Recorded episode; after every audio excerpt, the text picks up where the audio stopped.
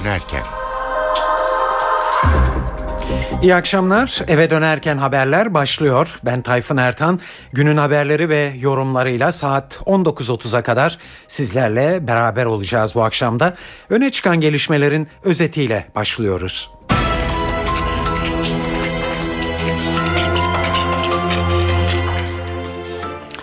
28 Şubat soruşturması ile ilgili olarak şu sıralarda 5 emekli askerin sorguları devam ediyor. Eski Hava Kuvvetleri Komutanı Ergin Celasın ise bu sabahki sorgusunu takiben serbest bırakıldı.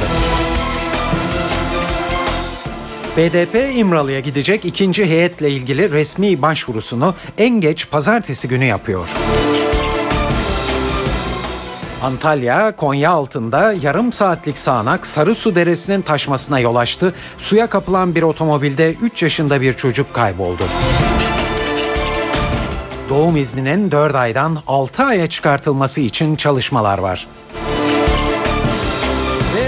Dikkat çekici doğa olayları yaşanıyor. Rusya'da Urallarda Çebarkul'a düşen bir göktaşı yüzlerce kişinin hafif yaralanmasına yol açtı. Bir başka göktaşı ise hızla dünyaya doğru yaklaşıyor.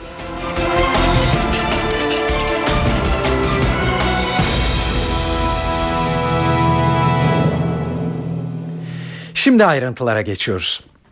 Çarşamba günü yeniden başlayan 28 Şubat soruşturması ile ilgili hareketlilik bugün de devam etti. Sabah saatlerinde aralarında eski Hava Kuvvetleri Komutanı emekli Orgeneral Ergin Celasi'nin de bulunduğu 6 emekli asker Ankara Adliyesi'ne çağrıldı. Celasin sorgusunun ardından serbest bırakıldı. Şu sıralarda da 5 emekli askerin sorguları devam ediyor. Peki Ergin Celasin'e neler soruldu? NTV muhabiri Gökhan Gerçek'ten dinliyoruz.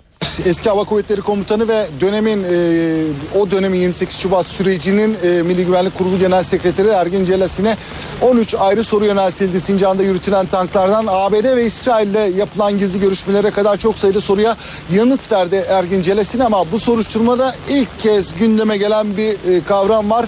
Türban andıcı. Evet bir türban andıcının hazırlandığı e, savcılık tarafından savunuldu ve Ergin, Ergin Celasine altında imzası olan bu, bu belge sonu soruldu. Ergin Celesin'in kabul ettiği tek imza buydu. Evet Milli Güvenlik Kurulu Genel Sekreterliğine bağlı Uluslararası Kamuoyu Oluşturma Grubu tarafından bu türban andır, andıcının hazırlandığını belirtti Ergin Celesin ve üniversitelerdeki ve İmam Hatip liselerindeki türban konusunun değerlendirildiği bir rapordu ama e, gereğini diğer kurumlarda olduğu gibi başbakanlık yapmakta yetkiliydi. Türban Anlıcı'nı e, o dönemin başbakanı Necmettin Erbakan'ın başında bulunduğu başbakanlığa gönderdik dedi. E, Milli Güvenlik Kurulu tarafından alınan e, tavsiye kararları doğrultusunda irtica ile etkin mücadele için başbakanlıkta uygulamayı takip ve uygulama merkezi oluşturulmuştu. Türban Andıcı'yla ilgili gereğinin yapılması için uygulama içinde bu türban andıcını e, bu merkeze gönderdik değerlendirmesinde bulundu. Ergen Celes'in e, Sincan'da yürütülen tanklar hükümeti devirmek amacıyla psikolojik harp amacıyla gözdağı vermek amacıyla mı yürütüldü sorusu da yöneltildi Ergin Celes'ine.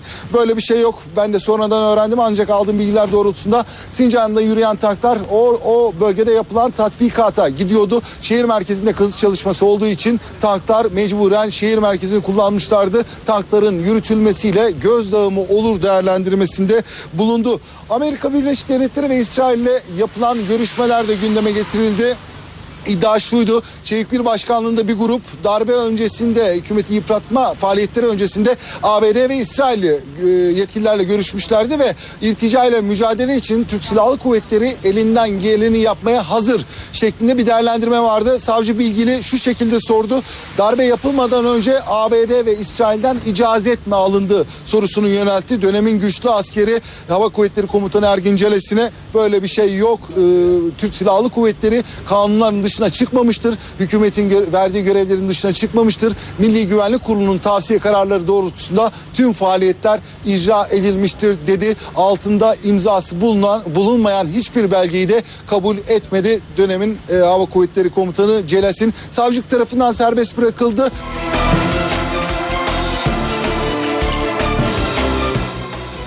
Abdullah Öcalan'la görüşmek üzere İmralı'ya gidecek ikinci BDP heyetinin kimlerden oluşacağı ve adaya ne zaman gidileceği hala belirsizliğini koruyor.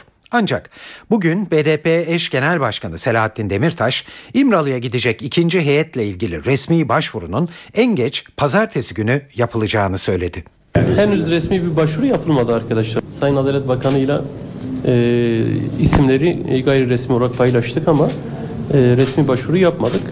E, bugün veya yarın e, resmi başvuru da yapılır. E, en geç pazartesi günü resmi başvuruyu da yapacağız. İsimler tümüyle partimiz tarafından belirlendi. E, Sayın Adalet Bakanı ile paylaşıldı. Bu aşamada ben Sayın Ahmet Türk ve Sayın e, Pervin Buldan'ın e, ismi gayri resmi olarak iletildi. İsim çok önemli değil. Mesele gidişin gerçekleşmesi, tartışmaların sürmesi, sürecin ilerlemesidir. Yani isimler üzerinden bu kadar spekülatif tartışma yürütülmesini biz doğru bulmuyoruz. Bizde isim krizi diye bir şey yok. Tabii ki heyetin, e, hükümet adına görevli heyetin İmralı Adası'na e, bu periyot içerisinde gidiş e, gelişlerinin e, olduğunu bizler de duyurduk. Fakat bu resmi bir bilgi değil bizler açısından. Olması da gerekir. Süreç ilerleyecekse. Detaylarla ilgili bilgimiz yok. Orada olup bitenlerle ilgili bilgimiz yok.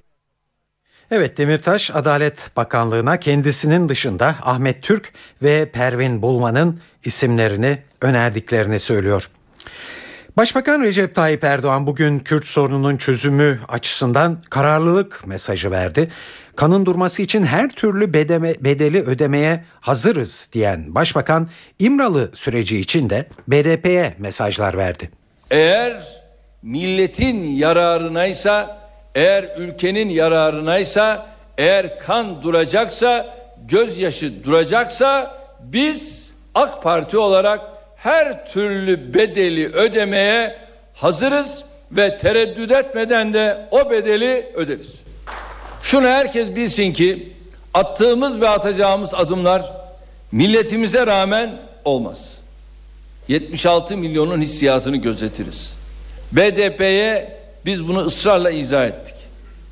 AK Parti olarak biz bir risk alıyor, ülkenin kanayan yarasını sarmanın mücadelesini veriyoruz. BDP sen bu riski almak durumundasın. Eğer Kandil'den gelecek mesaja göre hareket edecek olursan ha bilesin ki ben bu kanın durması için şu kadar gayret ettim deme hakkına sahip değilsin. Eğer BDP MHP gibi davranırsa, istismarı, popülizmi bir yöntem olarak seçerse, alışkanlıklarını bir kenara koymazsa, yani cesur davranmazsa bu sürece hiçbir katkısı olmaz ve olamaz. Evet, Kürt sorununa çözüm bulmak amacıyla e, Güneydoğu'daki desteği arttırmak için valiler de aktif rol üstlenmeye başladılar. Diyarbakır valisi Mustafa Toprak örneğin bugün Diyarbakır'daki bazı köy ve mahalleleri ziyaret etti ve bölge halkına bu sürece sahip çıkmaları çağrısında bulundu. Allah huzur e, ve sağlık içerisinde bir ve beraber olarak yaşatsın. Bir an önce inşallah e, bu işlerin bitmesi için bir süreç başlatılmış vaziyette. Hakikaten şimdiye kadar hiç olmadığı kadar devlet, hükümet, sayın başbakan, bakanlar doğru mu? Herkes inanıyor. Artık yeter diyor. Devamlı ben çekiyorum, sıkıntı geliyor. Onun için sizlere de büyük görev düşüyor. Bu işe inanmak lazım. İnanmakla bırakmamak lazım. Eğer ki gözyaşı akmasın, hiç kimse anne baba ağlamasın, üzüntü olmasın diyorsak bu işe sağlamca sahip çıkacağız. Antalya'da Konya altında yarım saatlik sağanak Sarısu Deresi'nin taşmasına yol açtı. Suya kapılan bir otomobilde 3 yaşında bir çocuk kayboldu. Kayıp çocuk için kurtarma ekipleri çalışma başlattı. Dalgıç polisler ve itfaiye ekipleri botlarla küçük çocuğu arıyor şimdi. Evet son aşamayı olay yerindeki muhabirimiz Sibel Atasoy anlatıyor. Konyaaltı bölgesinde Sarısu mahallesindeyiz. Olayın gerçekleştiği yer saat 18.30 sıralarında dün akşam aşırı yağış yaşandı burada ve yağışın ardından Sarısu deresi taştı ve burada bazı evleri su bastı. Araçlarda e, dereye doğru sürüklendi. Bu araçlardan bir tanesinde 4 kişilik Reyhaniye ailesi vardı. Reyhaniye ailesinden küçük kız çocuğu ne yazık ki e, sulara kapıldı ve çocuğu arama çalışmaları dün akşam saat 12'ye kadar kadar gece 24'e kadar sürmüştü. Bugün itibariyle de sabah 8 itibariyle tekrar arama çalışmaları başladı. Deniz polisi bu Sarısu Deresi'nde ve Taliye kanalında çalışmalarına devam ediyor. Selin neden olması ise Meteoroloji Bölge Müdürlüğü'nden aldığımız bilgiye göre dün akşam burada 108 kilogram yağış yaşandı. Yani daha doğrusu yükseklerde ve dağlardan gelen suyla Sarısu Deresi taştı ve ne yazık ki araçlar da suya kapıldı. Bu araçlardan bir tanesinde bulunan 3,5 yaşındaki Emine Irmak Reyhaniye'de hala aranıyor. Deniz polisi şu anda Sarısu Deresi'nde ve 5 polis, 5 dalgıç polis çocuğu arama çalışmalarına devam ediyor. Şimdi bir diğer kente İzmir'in Ödemiş ilçesine gidiyoruz. Orada da önceki gün çığ altında kalan dağcı Erdem Tapul'a hala ulaşılamadı. Ekipler hava şartları nedeniyle çalışmalara ara vermişti. Şimdi bunların ne aşamada olduğuna bakacağız bu çalışmaların.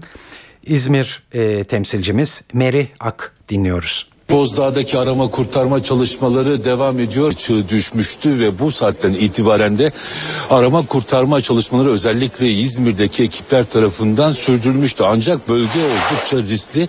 Burası İzmir'in bir anlamda kayak merkezleri ki Bozdağ kayak işletmeleri de var. İşte bu bölgede meydana gelmişti. Dört dağcı dağa tırmanmaya çalışmışlardı.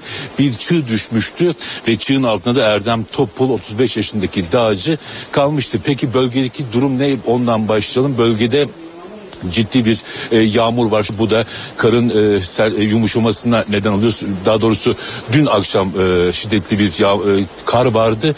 Bölgede kar zemini yumuşadı. Bu yüzden yeni çığ tehlikesi var ki kopmayan da ciddi büyüklükte bir e, karın olduğu söylendi. İşte bu karda bu çığ tehlikesi yaratan karda düşme risk yaratıyor. Bu yüzden de ekipler çok ciddi e, çok e, temkinli olarak çalışıyorlar.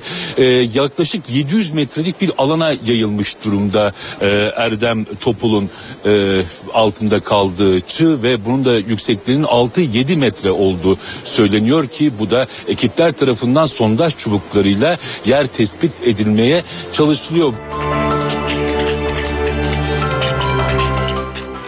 Genelkurmay Başkanlığı kamuoyunda Bordo Bereliler olarak bilinen Özel Kuvvetler Komutanlığı'nda yasa dışı faaliyetlerde bulunulduğu yolundaki iddialar üzerine bir resmi açıklamada bulundu.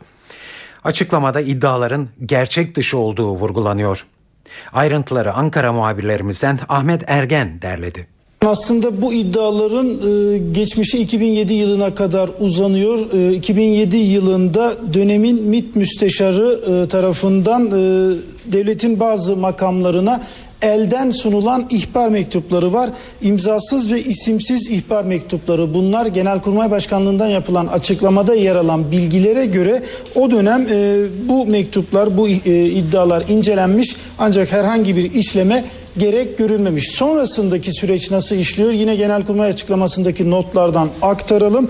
Meclis Darbe ve Muhtıraları Araştırma Komisyonu'na da bu belgeler bir e, dosya halinde sunuluyor. E, ancak sonrasında e, bu iddialar e, bir şekilde basına sızdırılıyor. İşte bu e, bu gelişme sonrasında bazı haberler yayınlanmıştı. Özel Kuvvetler Komutanlığı bünyesindeki bazı unsurların illegal faaliyette bulunduğu iddiasıyla bu haberler yayınlandıktan sonra Türk Silahlı Kuvvetleri'nden açıklama geldi ve öncelikle e, bu yayınların Türk Silahlı Kuvvetleri'ni etkileyecek boyutlara dönüştüğü değerlendirilmektedir denildi açıklamada ve Özel Kuvvetler Komutanlığı'nın gizli ve illegal bir yapılanma olmadığı gibi faaliyetleri de illegal değildir e, denildi. Açıklamada geçmişe yönelik soruşturma ve dava konusu olmuş bir takım iddialarla Özel Kuvvetler Komutanlığı'nın suç örgütü gibi gösterilmesi personelimize yapılmış bir haksızlıktır ifadelerine yer verildi ee, ve e, bunun ardından gelen bölümlerde de açıklamada e, Türk Silahlı Kuvvetleri'nin stratejik bir unsuru olduğuna vurgu yapıldı Özel Kuvvetler Komutanlığı'nın ve gizli ve illegal bir yapılanma olmadığı tekrar edildikten sonra e, faaliyetlerinin de illegal olmadığına yeniden dikkat çekildi açıklamanın son bölümünde.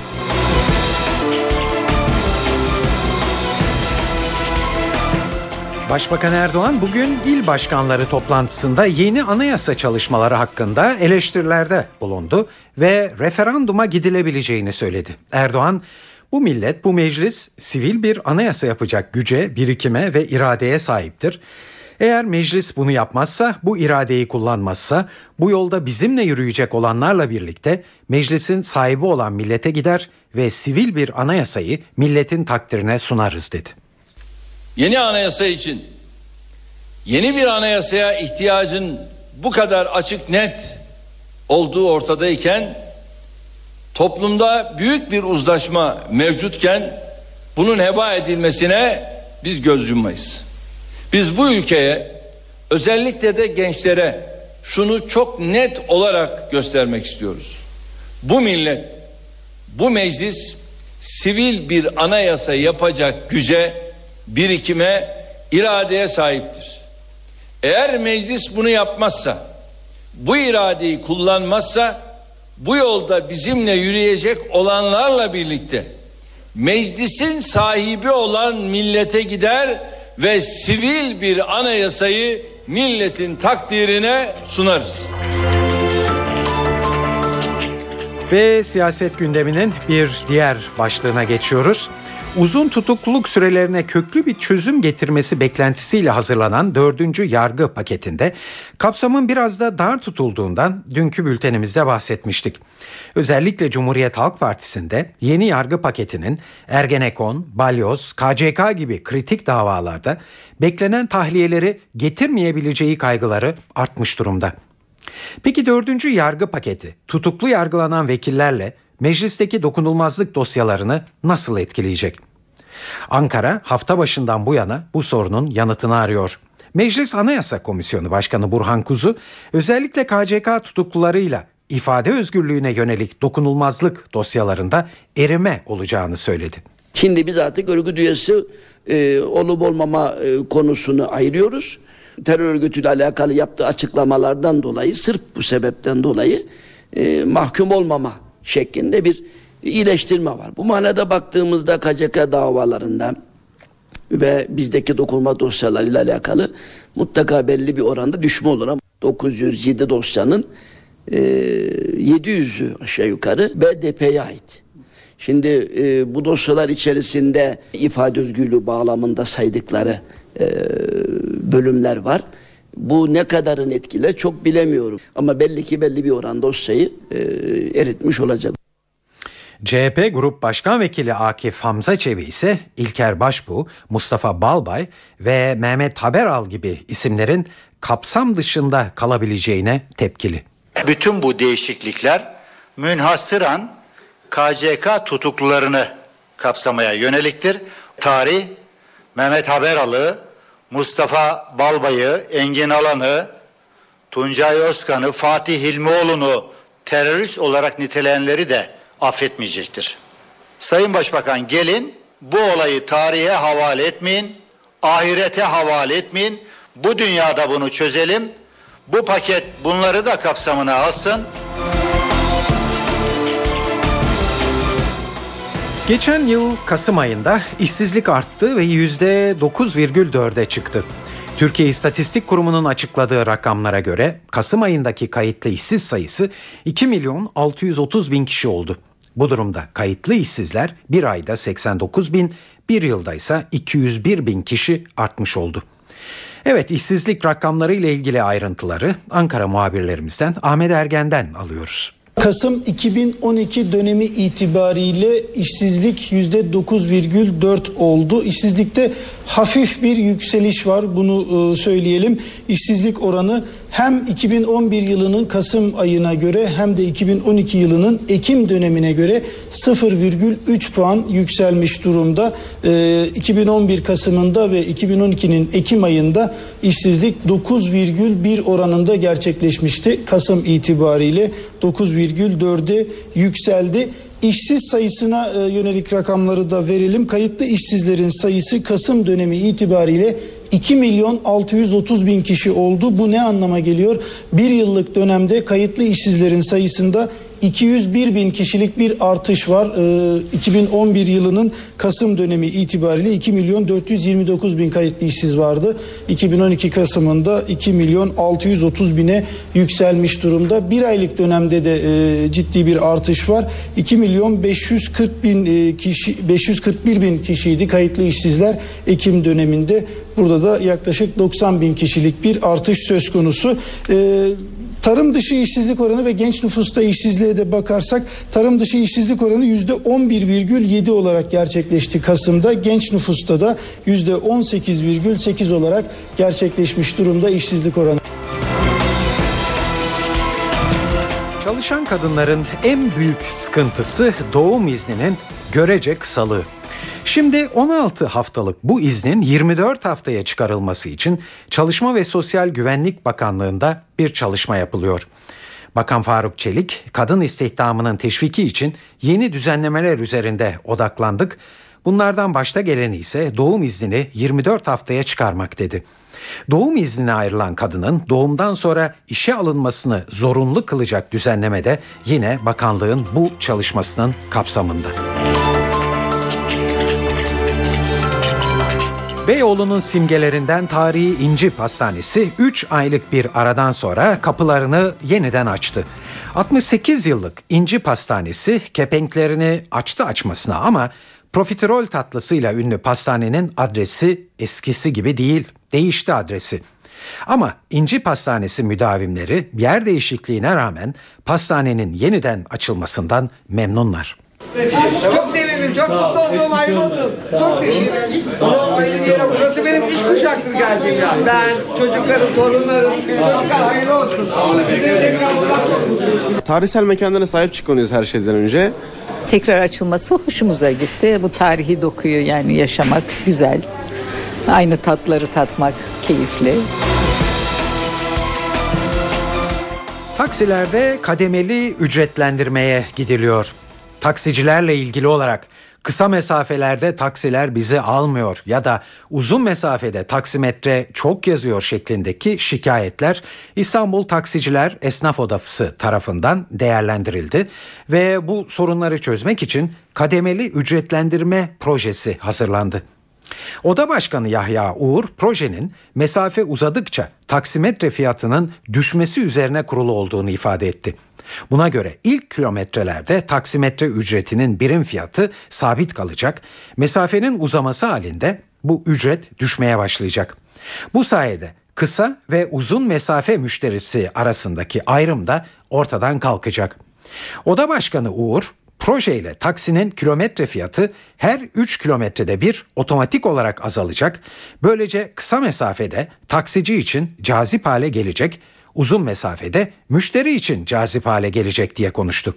Uğur, 2012'nin son iki ayında yapılan denetimler sonucunda kısa mesafede yolcu almayan 365 taksiye 26 bin lira para cezası uygulandığını da açıkladı. Borsa ile ilgili haberlerimizi birazdan vereceğiz sizlere. Hava durumuyla e, devam edeceğiz.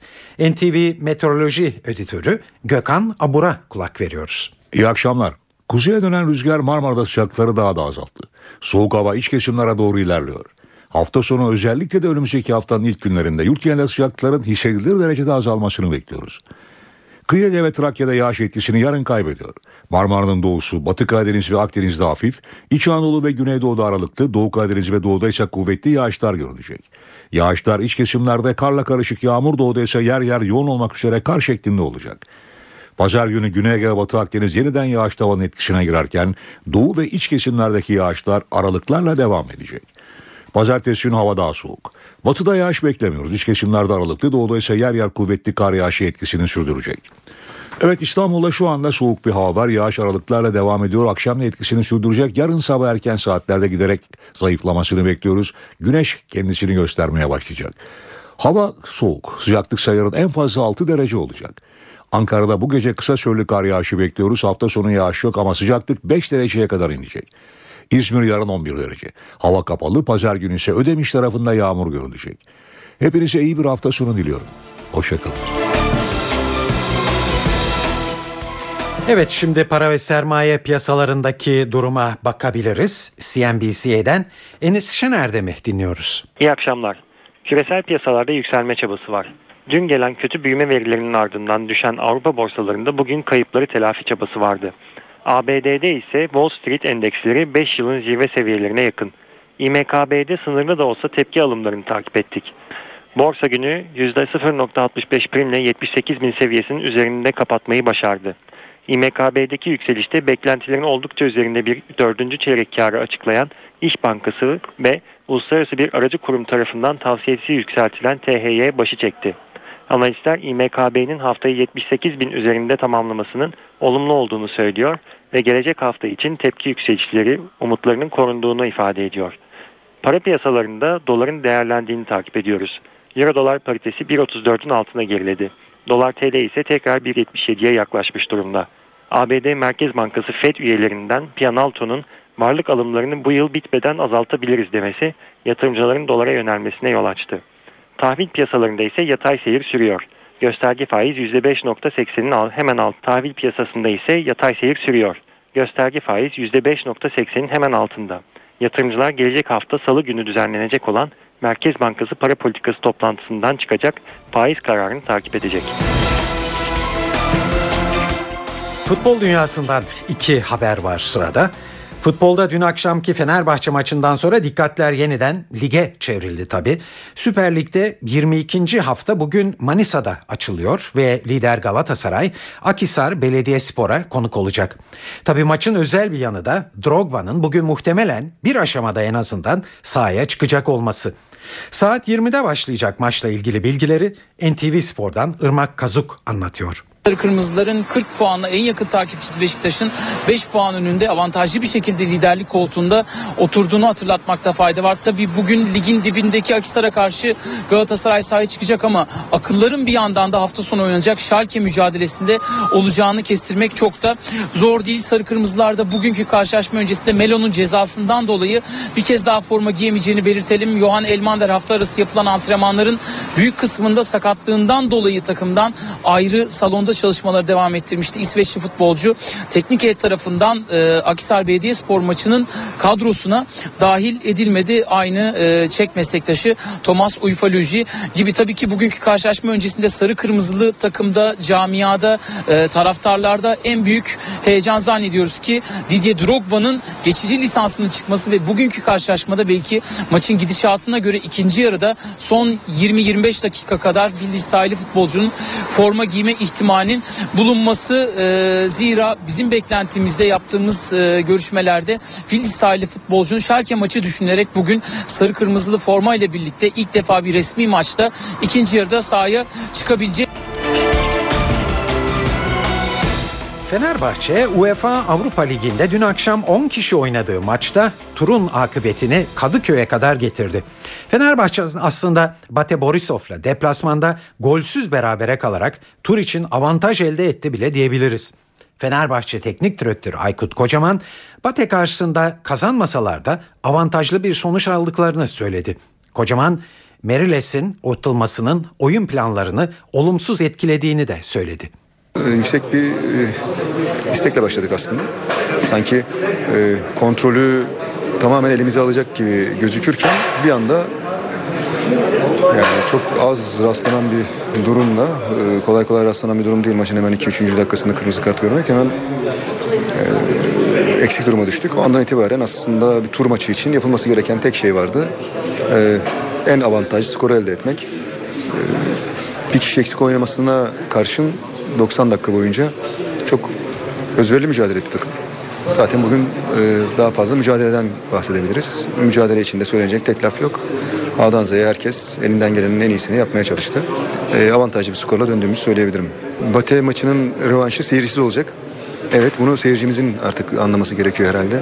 Taraftarın anlaması. Yani taraftarsa eğer ve seyirciyse eğer anlaması gerekiyor. E, küçük kümenin çıkarlarındansa büyük kümenin çıkarları her zaman daha önde olduğu zaman biz bir, bir sıra daha atlayacağız herhalde Fenerbahçeliler olarak da aslında Türk ulusu olarak da herhalde. Bu küçük hesaplar yüzünden e, umarım ve dilerim buradan kazandığımız avantajlı skor e, heba olmaz. Heba olmaması için elimizden geleni yapacağız. Onun arasında Trabzonspor maçı var. Zorlu bir Trabzon maçı. Şu andan itibaren e, sizin de sözünüzün içinde söylediğiniz gibi 10 kişiyle oynadığımız e, hemen hemen herkesin, sahadaki herkesin bir yüzde on daha cebinden çıkarıp koyduğu bir maç olarak gözüküyor. Dolayısıyla bu iki gün e, tamamen ama tamamen full bir şekilde oyuncularımızı dilendirip e, üçüncü günde Trabzon karşısında yine 3 puan nasıl alabiliriz diye onun hesaplarını yapmaya çalışacağız. 28 Şubat soruşturması ile ilgili olarak şu sıralarda 5 emekli askerin sorguları devam ediyor. Eski Hava Kuvvetleri Komutanı Ergin Celasin ise bu sabahki sorgusunu takiben serbest bırakıldı.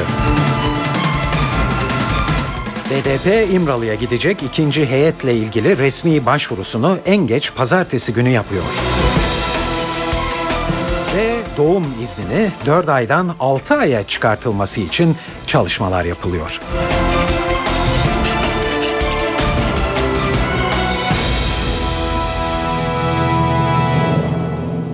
Şimdi dünyada en çok konuşulan haberlerle devam ediyoruz. Rusya'da bugün hem çok heyecanlı hem de o kadar korkutucu bir doğa olayı yaşandı. Ural dağlarındaki Yekaterinburg kentinin 200 kilometre kadar güneyine çapı 45 metreyi bulan bir göktaşı düştü. Kentte yaşayanlar bu sabah gökyüzüne baktıklarında arkalarında uzun bir duman bırakan bir ateş topu gördüler. Bu ateş topu uzun bir iz bırakarak kentin üzerinden geçti ve Çebarkul kasabasına geldiğinde de yere çakıldı. Meteor öylesine şiddetli bir şekilde çarptı ki yere binaların camları kırıldı. 500'den fazla kişi de çoğunlukla cam kesiklerinden ve çarpmalardan hafif yaralandı. Tabi olayın çok hafif atlatılmış olduğuna hiç kuşku yok. Göktaşı 46 bin kişinin yaşadığı Çebarkul kasabasının merkezine değil bir kilometre dışına düştü. Çebarkul'da yaşayanlar kasabanın büyük bir patlamayla sarsıldığını, bunu küçük patlamaların takip ettiğini, gökyüzüne kalın bir duman yükseldiğini ve kasabanın bir yarım saat kadar savaş alanına döndüğünü anlattılar. Uzmanlarsa aslında bu düşen taşın daha büyük bir gök taşının parçası olduğunu, bir kısmının dünya yörünge atmosferine girerken yanıp yok olduğunu açıkladılar. Şimdi gök taşından geriye kalan 6 metre çapında bir çukur. Rusya gök taşlarının çok fazla düştüğü bir bölge olarak bilinmiyor. Ancak 1908 yılında Sibirya'ya düşen bir gök taşının 2000 kilometre karelik bir alanı alt üst ettiği de kayıtlara geçmiş bir vaka. Evet şimdi Sabancı Üniversitesi'nden Profesör Ersin Göğüş'e danışacağız bu konuda. Gök, gök taşları nasıl böyle büyük parçalar olarak tehdit oluşturabiliyor bizim için diye soracağız kendisine. Dünya atmosferi e, bizi koruyan bir kalkan. E, Birçok meteorları bu şekilde eritiyor. Ama bazıları eğer uygun bir açıyla çarpar ise kendisi için atmosferi e, delip geçebiliyor. Tıpkı bu sabah Rusya'da olduğu gibi. Nereden geldiği kestirilemeyen e, küçük küçük olmasına rağmen e, zarar verici olabilir. Ama bugünkü olay şans eseri kimsenin hayatına mal olmadı.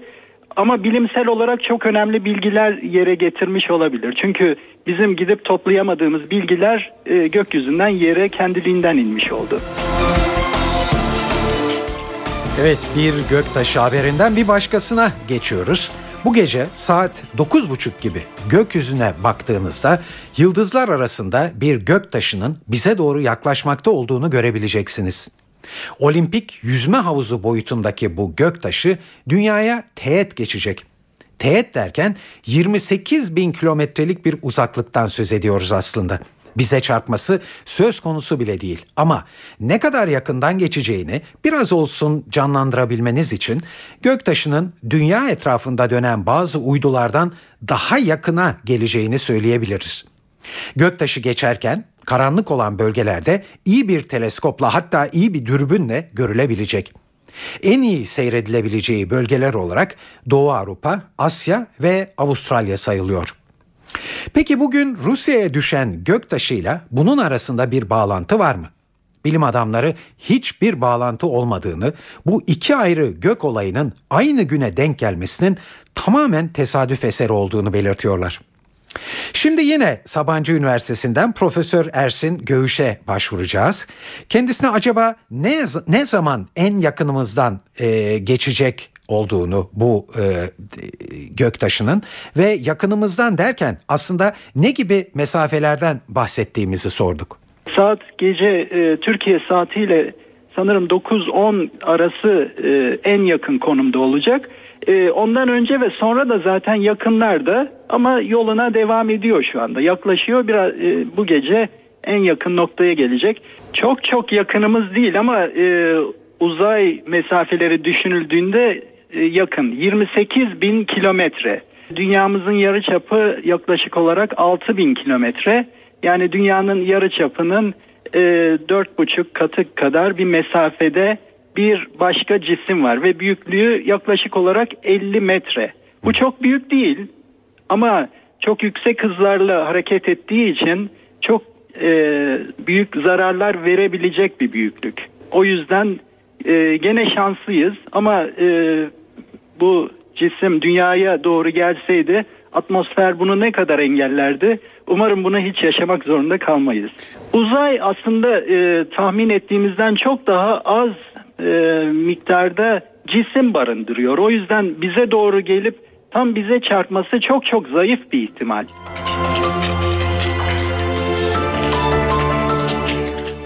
Spor dünyası Güney Afrikalı ampute atlo, atlet Oscar Pistorius'un sevgilisini öldürdüğü iddiasını konuşuyor.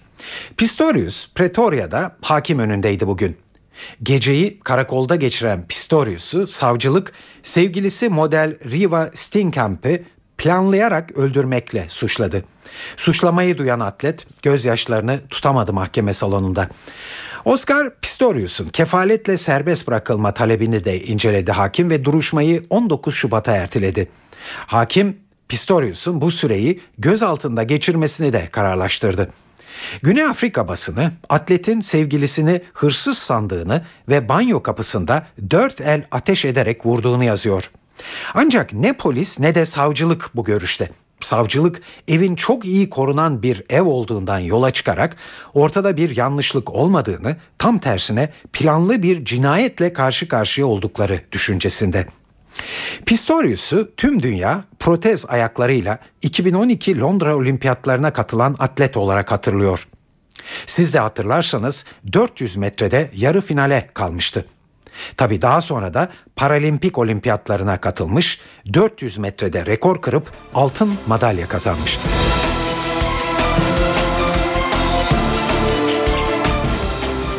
Son günlerde Avrupa'da kamuoyunun gündemini at eti skandalı oluşturuyor. İngiltere, İrlanda, Fransa, Almanya ve Norveç'te şu ana dek sadece işlenmiş gıdalarda görünen at eti şimdi de normal etlere, kıymaya hatta makarna soslarına bile karışmış görünüyor. İngiliz polisi ülke genelinde mezbalara baskınlar düzenledi ve 3 kişi gözaltına alındı. Tabii konu sadece İngiltere ile sınırlı değil. Tüm Avrupa ülkeleri bir tür alarma geçmiş durumdalar. BBC Türkçe sevresinden Emre Bal, skandalın yoğun bir şekilde tartışıldığı İngiltere'den notlar anlatıyor bizlere. İngiltere ve Avrupa çapında günlerdir konuşulan at eti skandalında son gelişme şimdiye kadar işlenmiş et ürünlerinde çıkan at etinin bu kez normal ette de görülmesi.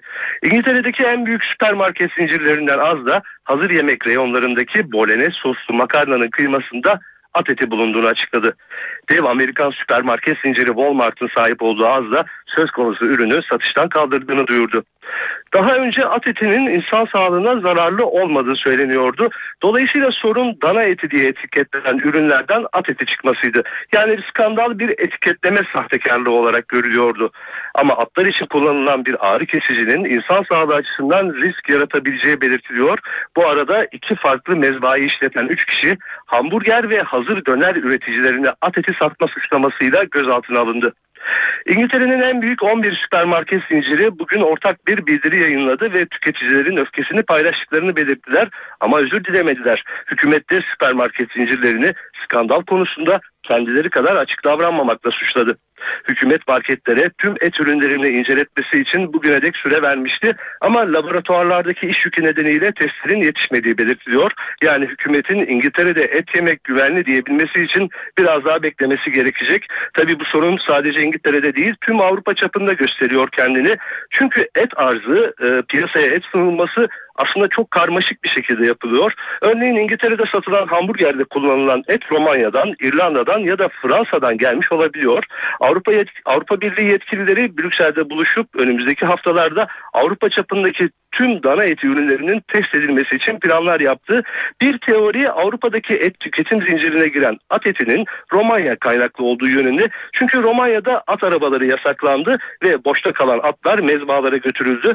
Romanya'da at eti satıldığını kabul ediyor ama gümrük kayıtlarının bunların açık bir şekilde at eti olarak satıldığını gösterdiğini söylüyorlar. At etini dana eti olarak satmayı cazip kılansa dana etine göre beşte bir daha ucuza gelmesi. Amerika Birleşik Devletleri Dışişleri Bakanı John Kerry, Suriye Devlet Başkanı Beşar Esad'ın koltuğunu bırakması için yeni bir diplomatik plan üzerinde çalışıyor. Washington Post gazetesinin haberine göre Kerry ayrıntılarını açıklamadığı planı Orta Doğu'yu yapacağı ziyarette bölge ülkelerinin liderleriyle ele alacağını söyledi. Kerry şiddeti en aza indirgemek ve Beşar Esad'ın barışçı bir şekilde iktidardan ayrılmasını sağlamak istiyorum diye konuştu. Barışçı değişim sürecinin kolay olmayacağını söyleyen Kerry, Suriyeli muhaliflerin Şam rejimiyle diyalog kurma çabalarını da övdü. Amerikan Dışişleri Bakanı'nın bölgeye yapacağı ziyaretin ilk durağı Türkiye olacak. Gazetecileri Koruma Komitesi 2012'nin gazeteciler için en kanlı yıl olduğunu duyurdu. Merkezi Amerika'da olan komiteye göre geçen yıl 70 gazeteci öldürüldü. Bu sayının bu denli yüksek olmasının en büyük nedeni Suriye'deki iç savaş tabi. Komite direktörü Robert Mahoney, gazeteci katillerinin çoğunlukla yargılanmadığını söyledi. Aynı açıklamaya göre 232 gazeteci de meslekleriyle bağlantılı olarak hapsedildi. Komite Aralık ayı itibariyle Türkiye'de de 49 gazetecinin cezaevinde olduğunu duyuruyor.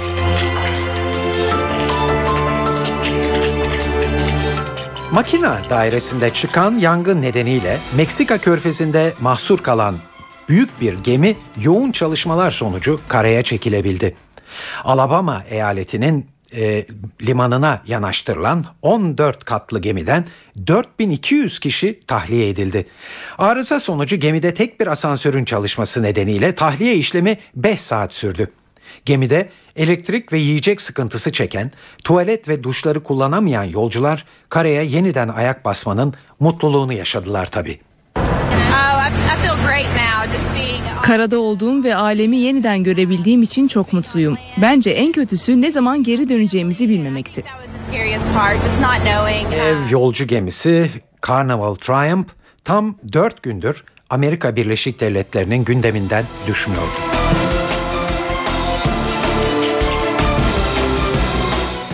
Afganistan ordusuna bağlı özel birliklerde kadın askerler de görev yapmaya başladı. Kadın askerler, erkek meslektaşları ve NATO güçleriyle birlikte gece operasyonlarına katılıyor. Kadın askerler baskın düzenlenen evlerdeki kadın ve çocuklarla ilgileniyor, onları güvenli yerlere götürüyor. Afgan halkı bu kadın askerler sayesinde artık NATO askerlerinin düzenledikleri baskılara daha az tepki gösteriyor. Geceleri evlere baskınları düzenledikten sonra kadın askerler korkmasınlar diye kadınların ve çocukların yanına gidiyor. Kadınlar özel kuvvetler bünyesinde hayati bir rol oynuyor. Bence kadınlar da erkekler gibi bu işi yapabilir. Ama bunu kardeşlerimizle omuz omuza beraber yapmalıyız. Kadınlar orduya katılmaktan çekinmemeli. Saat 18.54 NTV Radyo'da eve dönerken haberler günün öne çıkan gelişmelerinin özetiyle başlıyor. 28 Şubat soruşturması ile ilgili olarak şu sıralarda 5 emekli askerin sorguları devam ediyor. Eski Hava Kuvvetleri Komutanı Celasin ise bu sabahki sorgusunu takiben serbest bırakıldı. BDP İmralı'ya gidecek ikinci heyetle ilgili resmi başvurusunu en geç pazartesi günü yapıyor. doğum izninin 4 aydan 6 aya çıkartılması için çalışmalar var. Ve bugün dikkat çekici doğa olayları yaşanıyor. Rusya'da, Urallar'da Çebarkul'a düşen bir göktaşı yüzlerce kişinin hafif yaralanmasına yol açtı. Bir başka göktaşı ise hızla dünyaya doğru yaklaşıyor.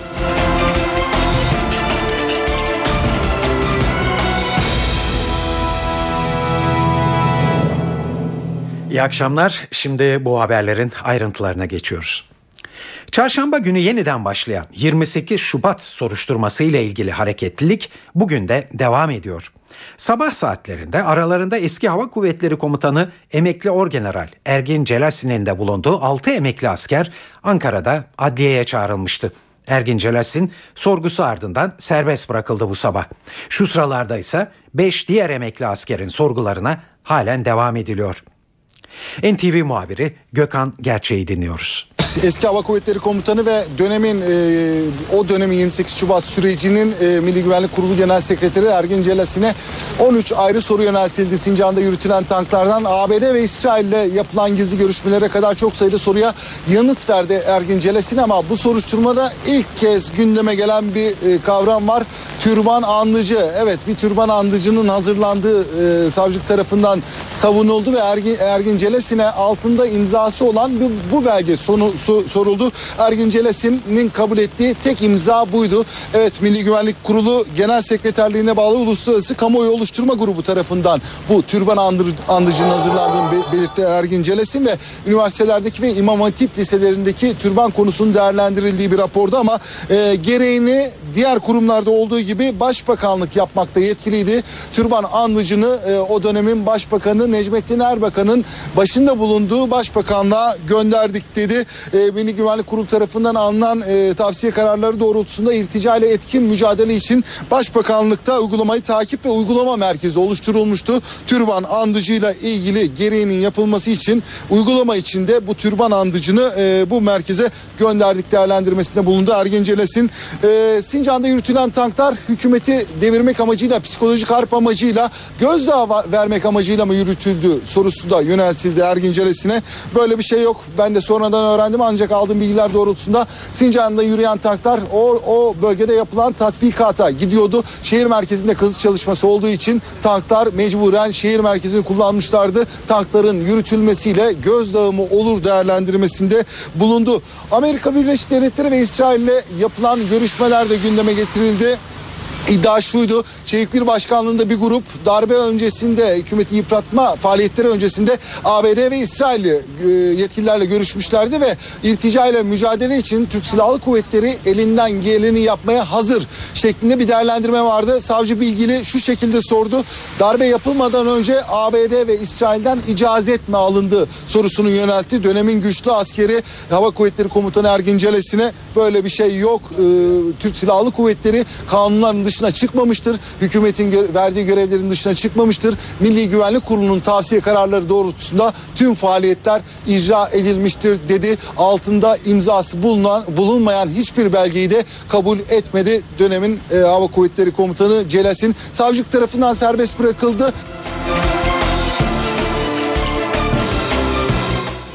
Genelkurmay Başkanlığı kamuoyunda Bordo Mereliler olarak bilinen Özel Kuvvetler Komutanlığı'nda yasa dışı faaliyetlerde bulunulduğu iddiaları üzerine bir açıklama yaptı. Açıklamada iddiaların gerçek dışı olduğu vurgulandı. Ayrıntıları Ankara muhabirimiz Ahmet Ergen'den alıyoruz.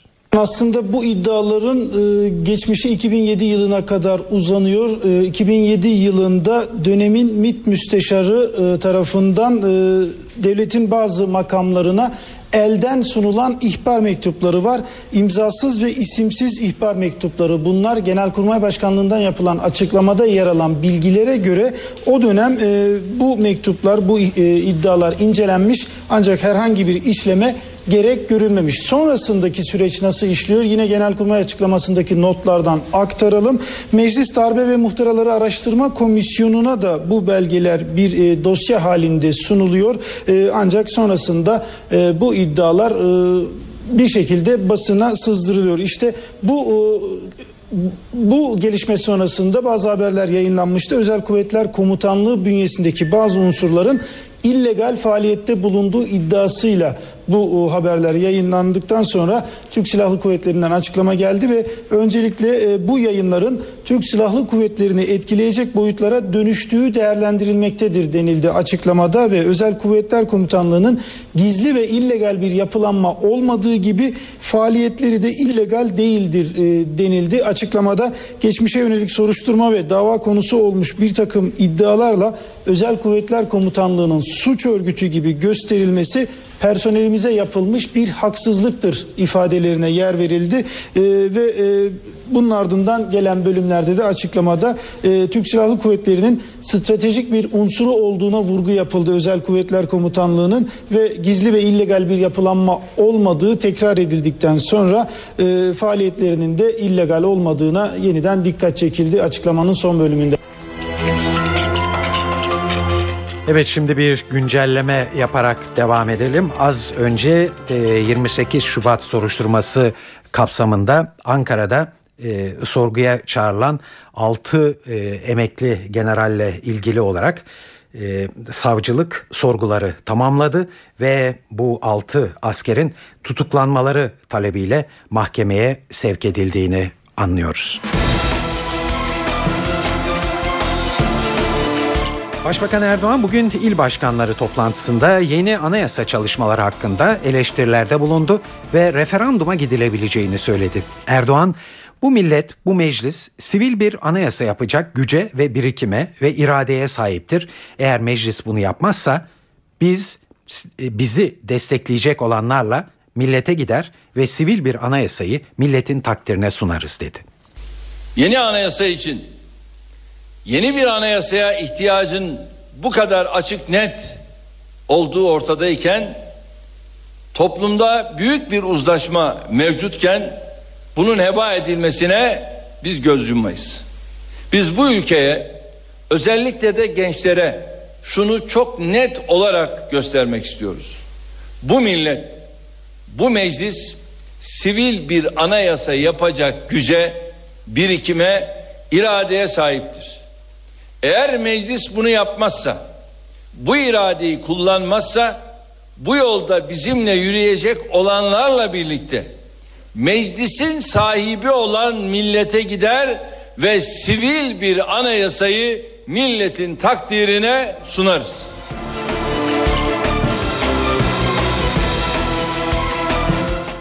Abdullah Öcalan'la görüşmek üzere İmralı'ya gidecek ikinci BDP heyetinin kimlerden oluşacağı ve ne zaman adaya gideceği hala belirsizliğini koruyor.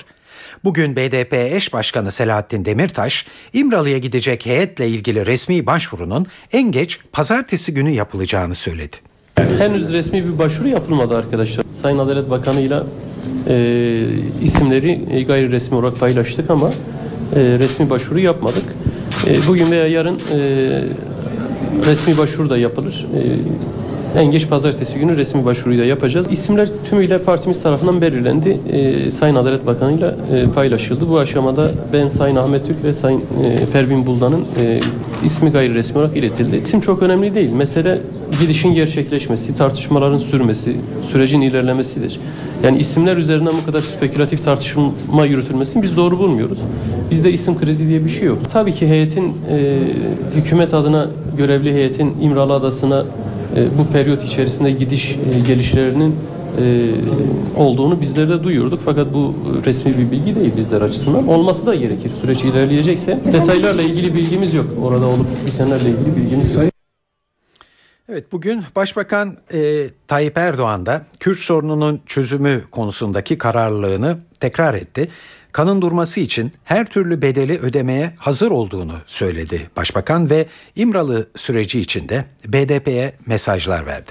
Eğer milletin yararınaysa, eğer ülkenin yararınaysa, eğer kan duracaksa, gözyaşı duracaksa biz AK Parti olarak her türlü bedeli ödemeye hazırız ve tereddüt etmeden de o bedeli öderiz. Şunu herkes bilsin ki attığımız ve atacağımız adımlar milletimize rağmen olmaz. 76 milyonun hissiyatını gözetiriz. BDP'ye biz bunu ısrarla izah ettik.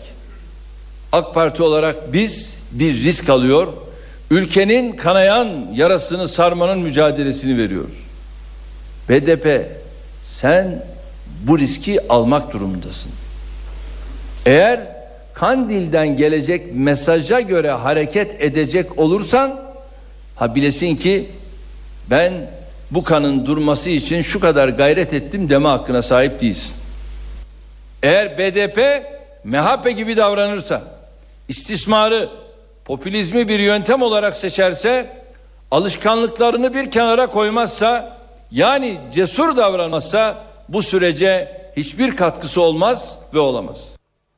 Evet İmralı'yla yapılan görüşmeler ve Kürt sorununa e, çözüm bulunması açısından Güneydoğu'daki desteği arttırmak üzere valiler de harekete geçti. Diyarbakır valisi Mustafa Toprak bugün e, kentteki bazı köy ve mahalleleri ziyaret etti ve bölge halkına bu sürece sahip çıkmaları çağrısında bulundu. Allah huzur e, ve sağlık içerisinde bir ve beraber olarak yaşatsın. Bir an önce inşallah e, bu işlerin bitmesi için bir süreç başlatılmış vaziyette. Hakikaten şimdiye kadar hiç olmadığı kadar devlet, hükümet, sayın başbakan, bakanlar doğru mu? Herkes inanıyor. Artık yeter diyor. Devamlı ben çekiyorum, sıkıntı geliyor. Onun için sizlere de büyük görev düşüyor. Bu işe inanmak lazım. İnanmakla bırakmamak lazım. Eğer ki gözyaşı akmasın, hiç kimse anne baba ağlamasın, üzüntü olmasın diyorsak bu işe sağlamca sahip çıkacağız. Çalışan kadınların en büyük sıkıntısı doğum izninin görece kısalığı olmasına e, bir çözüm getiriliyor. Şimdi 16 haftalık bu iznin 24 haftaya çıkartılması için Çalışma ve Sosyal Güvenlik Bakanlığı'nda çalışmalar başlatıldı. Bakan Çelik, kadın istihdamının teşviki için yeni düzenlemeler üzerine odaklandık. Bunlardan başta geleni doğum iznini 24 haftaya çıkartmak dedi. Doğum iznine ayrılan kadının doğumdan sonra işe alınmasını zorunlu kılacak düzenlemede bakanlığın çalışması kapsamına giriyor.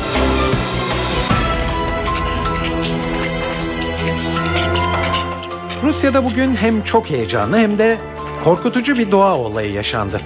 Ural dağlarındaki Yekaterinburg kentinin 200 kilometre kadar güneyine çapı 45 metreyi bulan bir göktaşı düştü. Kentte yaşayanlar bu sabah gökyüzüne baktıklarında arkasında uzun bir iz bırakan bir ateş topu gördüler. Evet bu ateş topu kentin üzerinden geçti ve Çebarkul kasabasına geldiğinde de yere çakıldı. Meteor öylesine şiddetli bir şekilde çarptı ki binaların camları kırıldı ve 500'den fazla kişi de çoğunlukla cam kesiklerinden ve çarpmalardan hafif yaralandı. Tabii olayın bu şekilde atlatılmış olduğuna hiç kuşku yok. Herkes sevinçli çünkü göktaşı 60 46 bin kişinin yaşadığı Çebarkul kasabının kasabasının merkezine düşseydi muhtemelen çok ciddi sonuçları olabilirdi.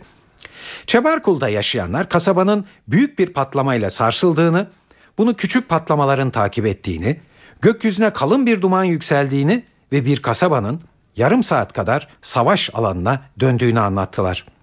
Uzmanlarsa aslında bu düşen taşın daha büyük bir gök taşının parçası olduğunu, bir kısmının dünya atmosferine girerken yanıp yok olduğunu açıkladılar. Şimdi göktaşından geriye kalan 6 metre çapında bir çukur. Rusya aslında gök taşlarının çok fazla düştüğü bir bölge olarak tanınmıyor. Ancak 1908 yılında Sibirya'ya düşen bir göktaşının 2000 kilometre karelik bir alanı alt üst ettiği de kayıtlara geçmiş bir vaka. Evet şimdi bir göktaşı haberinden bir başkasına geçiyoruz. O da bugün bu gece saat 9.30 gibi gökyüzüne baktığınızda yıldızlar arasından bir göktaşının bize doğru yaklaşmakta olduğunu görebileceksiniz. Olimpik yüzme havutu boyutundaki bu göktaşı dünyaya teğet geçecek aslında. Teğet derken 28 bin kilometrelik bir uzaklıktan söz ediyoruz. Bize çarpması söz konusu bile değil. Ama ne kadar yakından geçeceğini biraz olsun canlandırabilmeniz için göktaşının dünya etrafında dönen bazı uydulardan daha yakına geleceğini söyleyebiliriz. Göktaşı geçerken karanlık olan bölgelerde iyi bir teleskopla hatta dürbünle görülebilecek. En iyi seyredilebileceği bölgeler olarak da Doğu Avrupa, Asya ve Avustralya sayılıyor.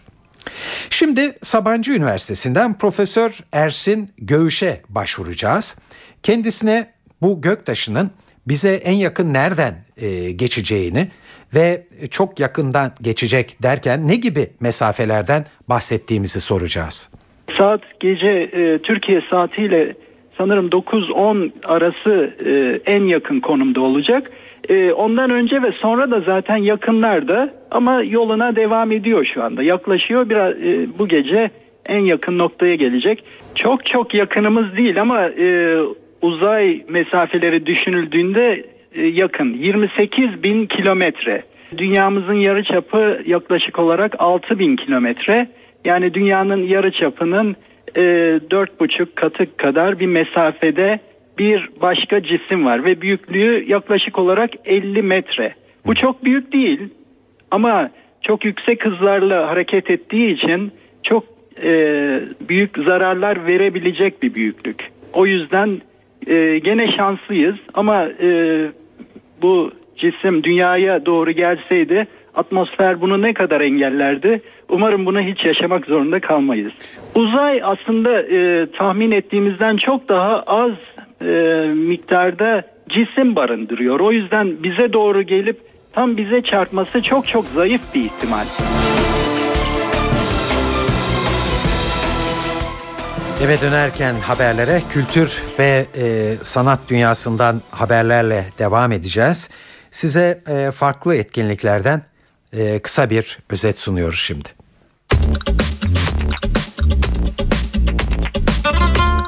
İstanbul'da Rus piyano ekolünün günümüzdeki en önemli isimleri arasında yer alan Alexey Volodin konseri var.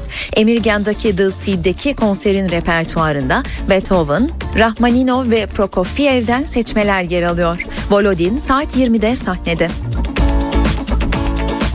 İspanyol şarkı yazarı Aktres Bebe bugün Şişhane'deki İKSV salonun konuğu. Malo ve Ella gibi şarkılarıyla dünya çapında üne kavuşan Bebe saat 21.30'dan itibaren sahnede.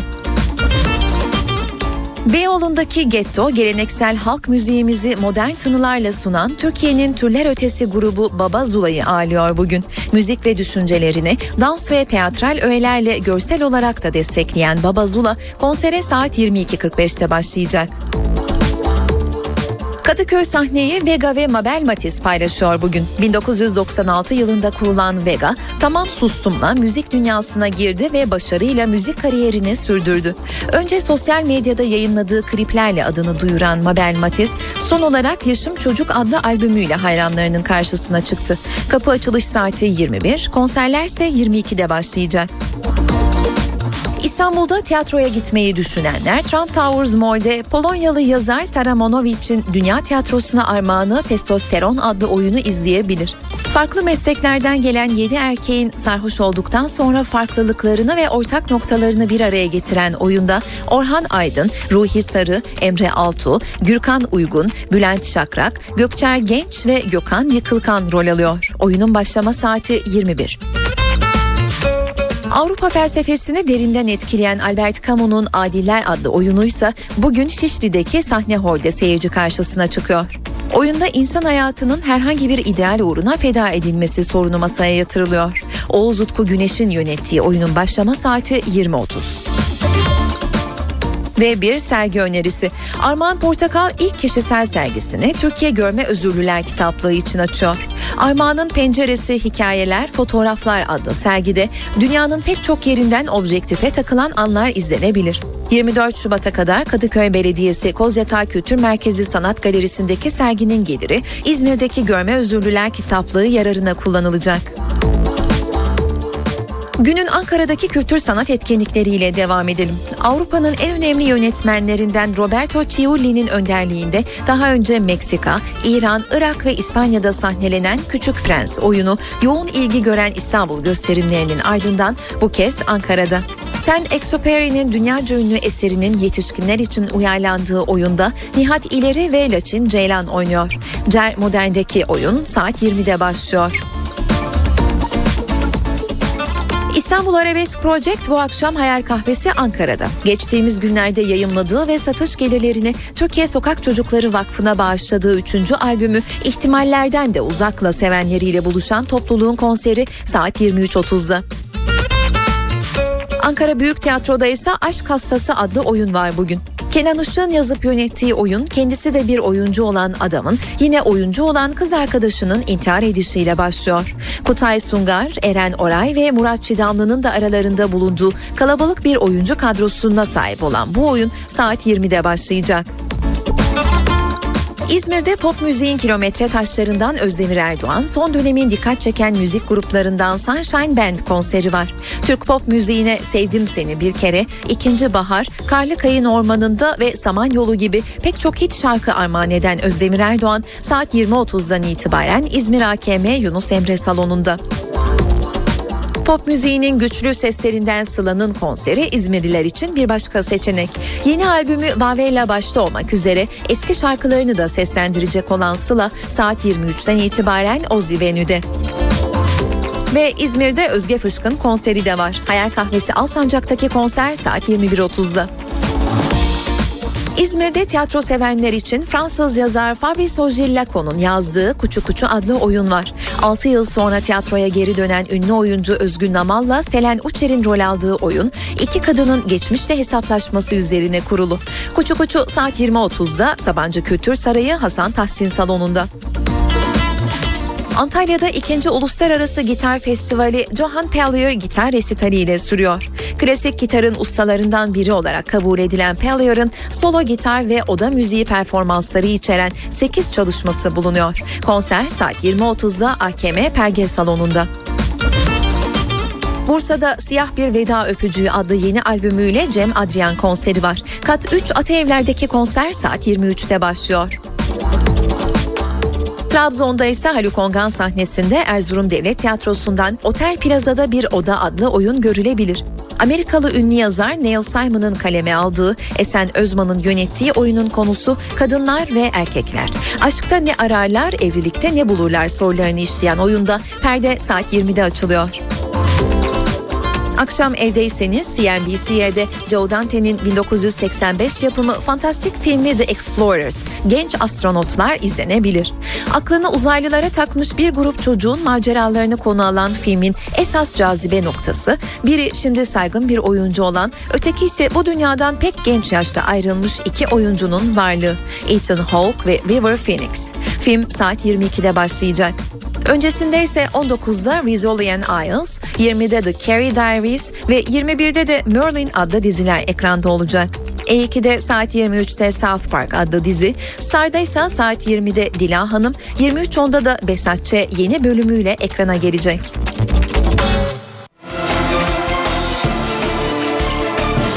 Evet yavaş yavaş bir haftayı daha e, tamamlıyoruz. Eve dönerken haberlerde sıra geldi haftalık sinema köşemize. Bu hafta vizyonda ikisi yerli 5 yeni film var. İsim? Dervişoğlu Mehmet. Yaş? 16. Kayseri Taş Mektep Sultanisi. İsim? Bu hafta ikisi yerli 5 yeni film vizyona giriyor. 16.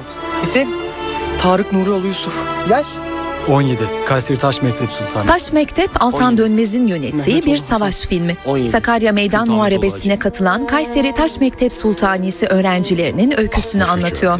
Okulun son sınıfındaki 63 öğrenci 1920-1921 yıllarındaki öğretim döneminde okullarını terk ederler. Tek amaçları Sakarya Meydan Savaşı'na katılıp orduya destek olmaktır. Orhan Kılıç, Ayça Barlier, Hazım Körmükçü ve Feride Çetin'in rol aldığı filmin senaryosu Hazan Toma'ya ait. Sonradan adı Kayseri Lisesi olarak değişen okulun mezunları arasında Cumhurbaşkanı Turgut Özal ve Abdullah Gül'ün bulunduğunu da belirtelim. Oğlum ben gece yaşamadım. Dur bak daha yeni başlıyor. Bu hafta vizyona giren ikinci yerli film, metropolde yaşayan bir grup gencin aşk maceralarını konu alan Romantik Komedi adlı filmin devamı Romantik Komedi 2 Bekarlığa Veda adıyla geldi. İlk filmde olduğu gibi Sedef Avcı, Sinem Kobal, Burcu Kara, Cemal Hünal, Gürgen Öz ve Engin Altan Düzyata'nın rol aldığı filmin yönetmeni Erol Özdevi.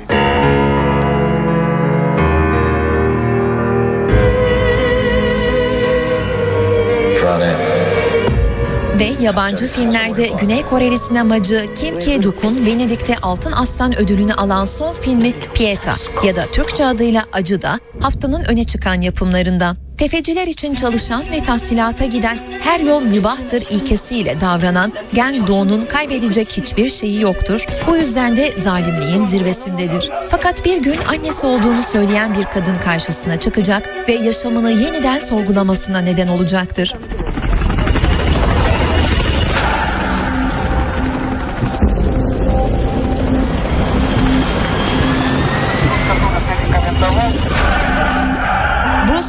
John McClane karakteriyle hafızalara kazıyan Die Hard Zor Ölüm serisinin son filmi Zor Ölüm Ölmek için Güzel Bir Günse aksiyon severlere hitap ediyor. John McClane terörist grupları yok etmesiyle ünlü bir polistir. Rus mafya lideri hapisten kaçınca McClane rotasını Rusya'ya çevirir. McClane bu ülkede gizli görev esnasında karşısında oğlu Jack'i görünce şaşırır. John oğlunun Rus mafyasını köşeye kıstırmak üzere olduğunu fark eder.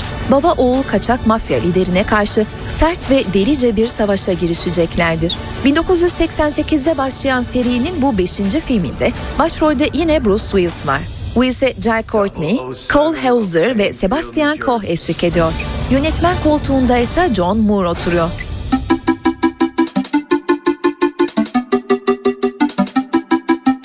Altın küreyi Brave Cesur'a kaptıran ancak Oscar yarışındaki iddialı Wreck-It Ralph, Türkçe adıyla Oyun Bozan Ralph haftanın animasyonu. Atari oyununun bina yıkan kötü adamı rolündeki Ralph hem yıllardır aynı işi yapmaktan sıkılmış hem de oyunun iyi adamı tamirci Felix gölgesinde kalmaktan bıkmıştır. Ralph artık iyi bir kahraman olmak ister ve diğer video oyunları arasında gidip gelmeye başlar. Şimdi kahraman olma fırsatı onda mıdır? Rich Moore'un yönettiği bu eğlenceli animasyon 3D versiyonuyla vizyonda. Eve dönerken haberler bu akşam burada sona eriyor. Ee, bu yayının editörlüğünü Onur Koçaslan, stüdyo teknisyenliğini Ceyhun Hoşol yaptı. Ben Tayfun Erkan. Hepinize iyi akşamlar ve iyi bir hafta sonu diliyoruz.